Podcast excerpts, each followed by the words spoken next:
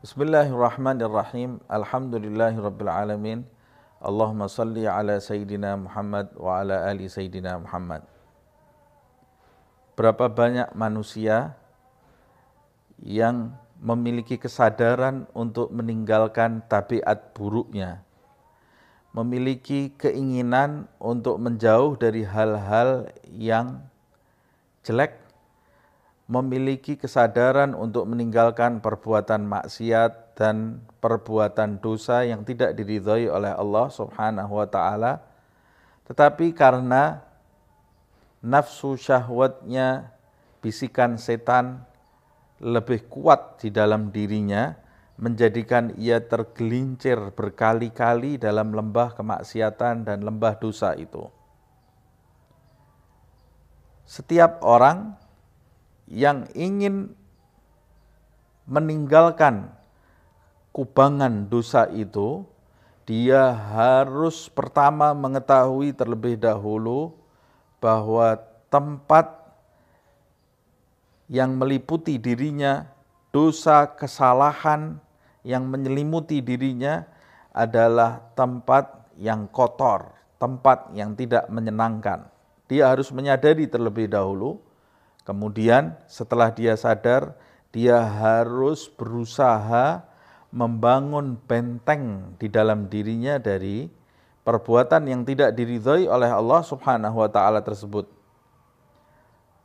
Salah satu jalan yang terkuat yang terpenting bagi seseorang yang mau membangun benteng dirinya dari perbuatan yang tidak diridhoi oleh Allah Subhanahu wa taala adalah menimbulkan kesadaran di dalam dirinya bahwa Allah Subhanahu wa taala menyaksikan dirinya setiap saat.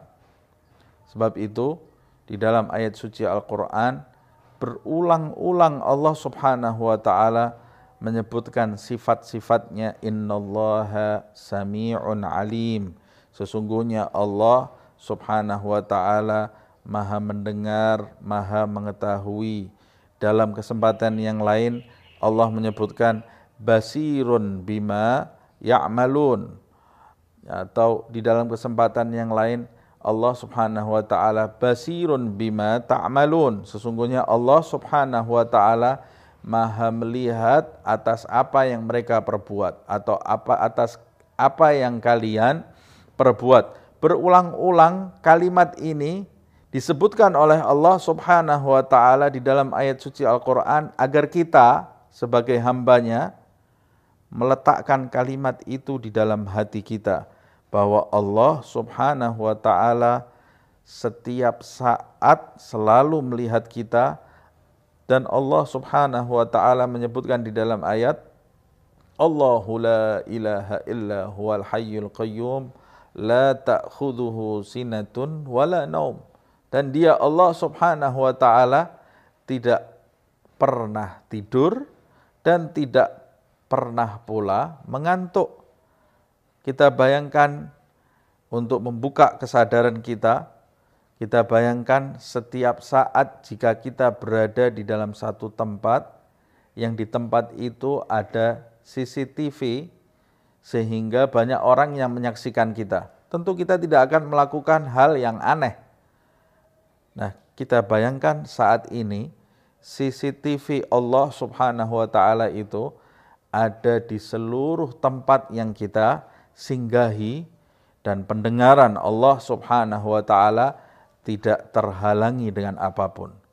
Jika kita selalu menghadirkan Allah Subhanahu wa taala di dalam diri kita, maka kita akan terbentengi dari hal-hal yang tidak diridhoi oleh Allah Subhanahu wa taala. Itulah sarana terbesar untuk membangun benteng di dalam diri kita sehingga kita terhindar dari perbuatan maksiat. Suatu ketika seseorang mendatangi Ibrahim ibn Adham, salah seorang ulama besar. Dia tidak bisa meninggalkan perbuatan maksiat yang ada di dalam dirinya Lalu dia datang kepada Ibrahim ibn Adham, wahai Ibrahim, sesungguhnya saya tidak bisa meninggalkan perbuatan maksiat padahal saya ingin mendekat kepada Allah Subhanahu wa taala. Kata Ibrahim ibn Adham, itu bisa kamu lakukan jika kamu berbuat maksiat di tempat selain tempat Allah Subhanahu wa taala.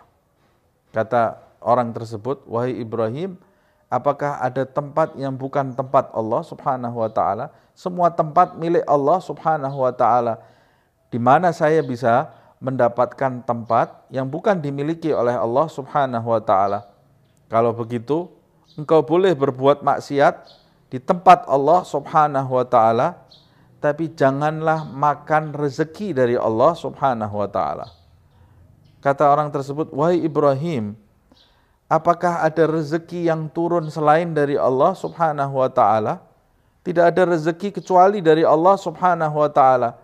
Kata Ibrahim bin Adham, "Kalau begitu engkau boleh berbuat maksiat di tempat milik Allah Subhanahu wa taala, makan rezeki Allah Subhanahu wa taala." tapi carilah tempat berbuat maksiat yang tidak dilihat Allah Subhanahu wa taala.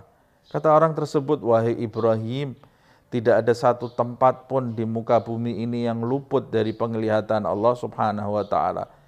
Jawab Ibrahim ibn Adham, "Kalau begitu engkau manusia yang tak kenal rasa malu.